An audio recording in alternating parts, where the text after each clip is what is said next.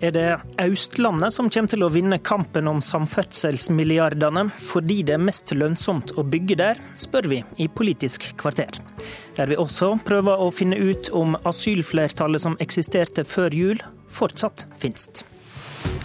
Det skal nemlig partilederne prøve å finne ut i dag, men vi starter med Nasjonal transportplan. Fagetatene la fram sine forslag til prioriteringer for den neste tolvårsperioden i går. Var det skissa av en nasjonal transportplan, eller var det nesten bare en transportplan for Østlandet? Det spørsmålet stilte du deg i går, leder i næringskomiteen Geir Pollestad fra Senterpartiet. Hva gjorde at du stilte deg det spørsmålet? Nei, Det var mitt eh, klare inntrykk når jeg så på planen. Eh, den er svak på Nord-Norge. Eh, et prosjekt som ferjefri E39 eh, halter. Eh, det er dårlig på rassikring, og det er for lite på fylkesveier. Det er for lite på kyst. Så det var liksom en sånn summen av dette som gjorde at jeg følte at her var det en veldig klar østlandsprioritering. Det mener jeg skyldes eh, to ting. Det ene er at en har bestilt en plan som skal legge til grunn samfunnsøkonomisk lønnsomhet.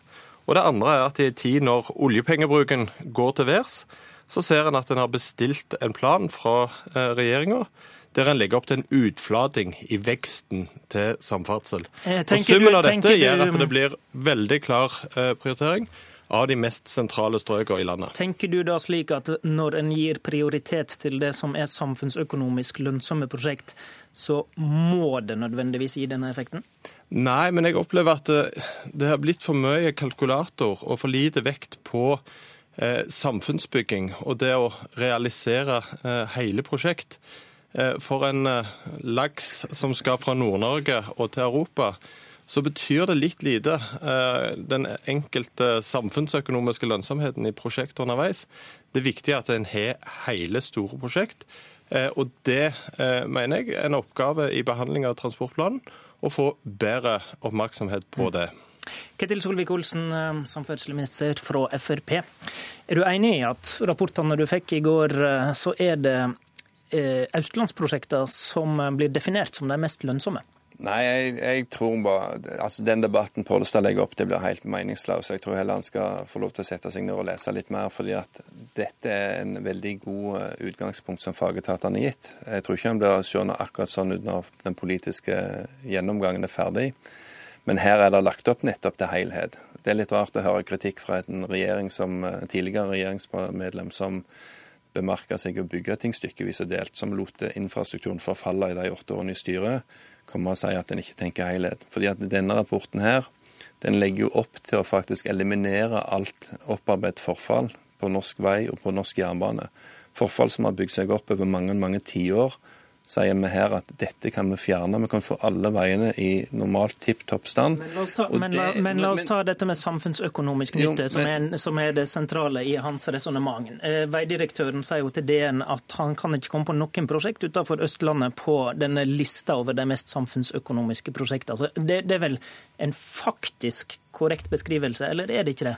Nei, det er ikke en korrekt beskrivelse. Hvis du ser på lista som er lagt fram, så er det veldig mange farledsprosjekt, altså kystprosjekt. som Kystprosjekt. som- Men, som- men hvis vi ser på vei, Kyst, så kyst, og da snakker du om ting som ligger utenfor, uh, utenfor uh, Østlandet.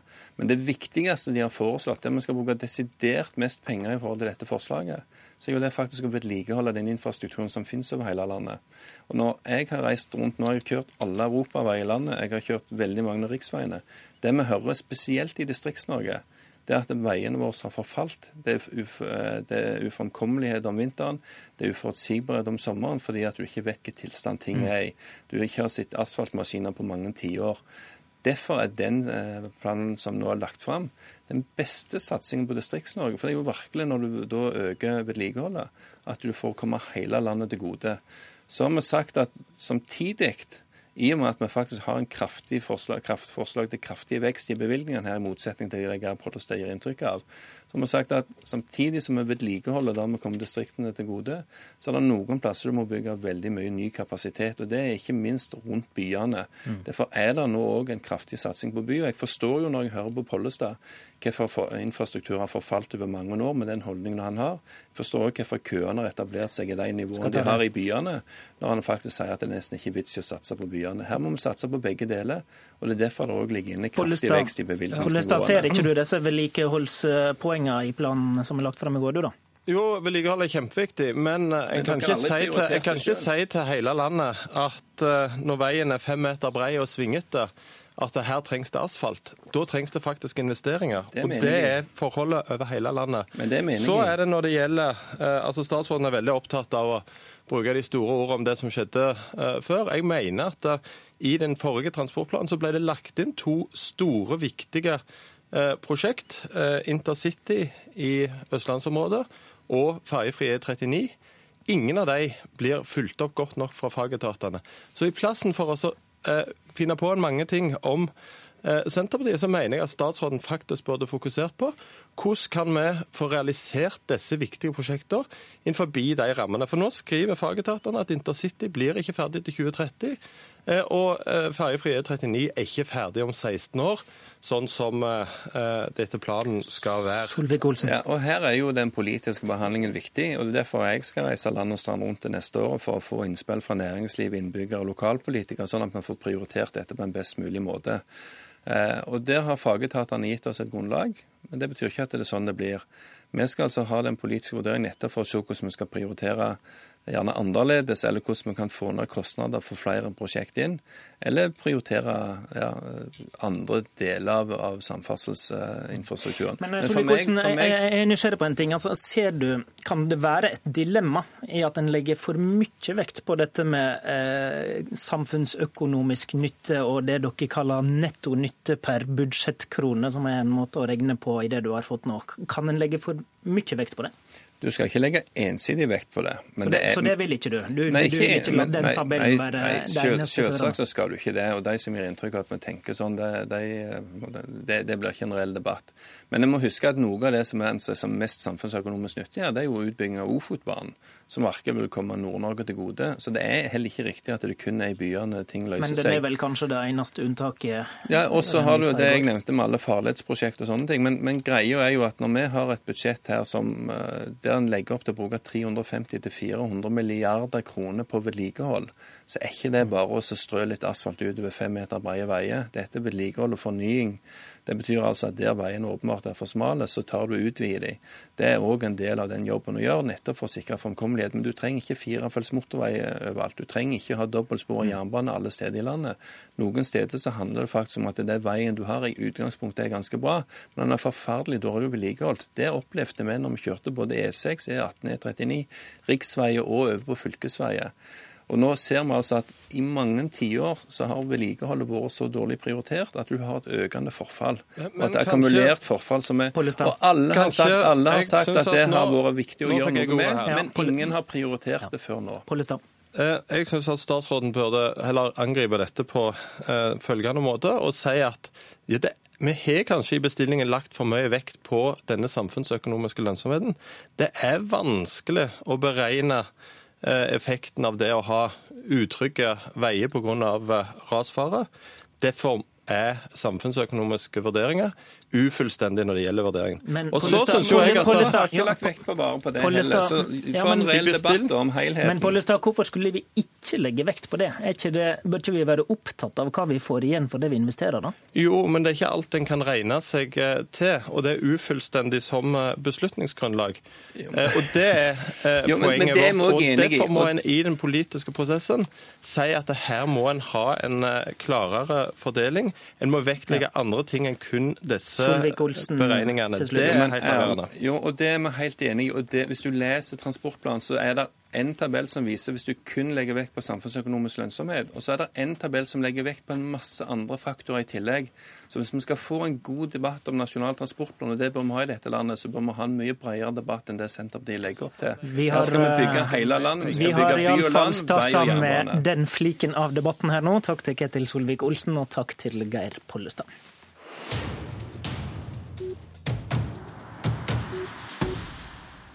I dag tidlig har vi hørt eh, i radiosendingene om UD som tror flyktningstrømmen vil holde fram, sjøl om det blir fred i Syria. Frøy Gudbrandsen, du er politisk redaktør i Bergens Tidende og har nettopp kommet tilbake fra Hellas, som nå tar imot rundt 2000 flyktninger per dag.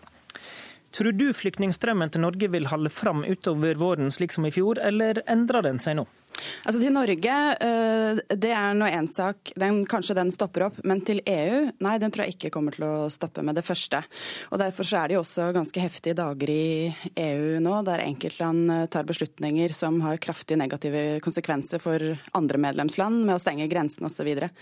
så det er, eh, det er definitivt ganske kritisk og dramatisk i EU nå.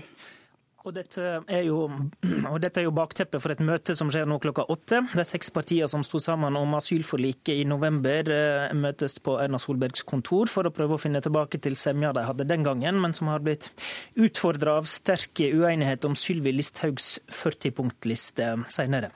Magnus Takvam, politisk kommentator her i NRK. Hva har Erna Solberg å tilby i dag? Jeg tror ikke hun i dette møtet har noe, noe, å tilby i den forstand at hun kommer med skal vi si, innrømmelser og viser kortene hvor eh, regjeringspartiene er villige til å komme de andre partiene i møte. Det er mer et informasjonsmøte der begge parter føler hverandre litt på tennene, og der man prøver å kartlegge hva de ulike posisjonene er, med tanke på det endelige forslaget som eh, Sylvi Listhaug og regjeringen skal komme med til Stortinget i begynnelsen eh, av april. Ellers så tror jeg også, eh, for så vidt har Jonas Gahr Støre allerede varslet det, at han vil ta opp nettopp det internasjonale bakteppet som vi har snakket om, og kreve at regjeringen engasjerer seg enda mer i arbeidet med å hindre en fullstendig oppløsning av situasjonen i mm. asylinstitusjonen i Europa, med det Norge kan bidra med. Men, men, for å spørre litt kynisk da, Magnus. Dersom flyktningene sitter fast i, i, på grensa mellom Hellas og Makedonia, mm. er det da mindre nødvendig for innstramminga i Norge nå? Altså, eh, Hva Norge isolert sett gjør, eh, kan man diskutere effekten av. Jeg tror at i det store bildet så er det klart at de nordeuropeiske velferdssamfunnene uansett er attraktive mål for flyktningstrømmen fra eh, denne regionen.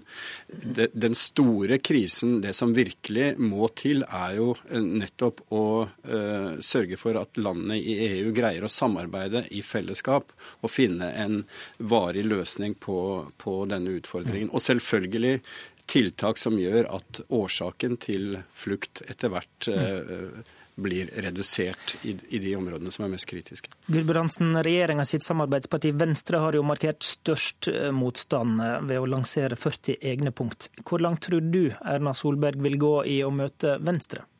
Altså, jeg jeg tror regjeringen er nødt til å komme, komme, Venstre og KrF i møte på noen punkter. Spesielt på dette med innstramminger på familiegjenforening.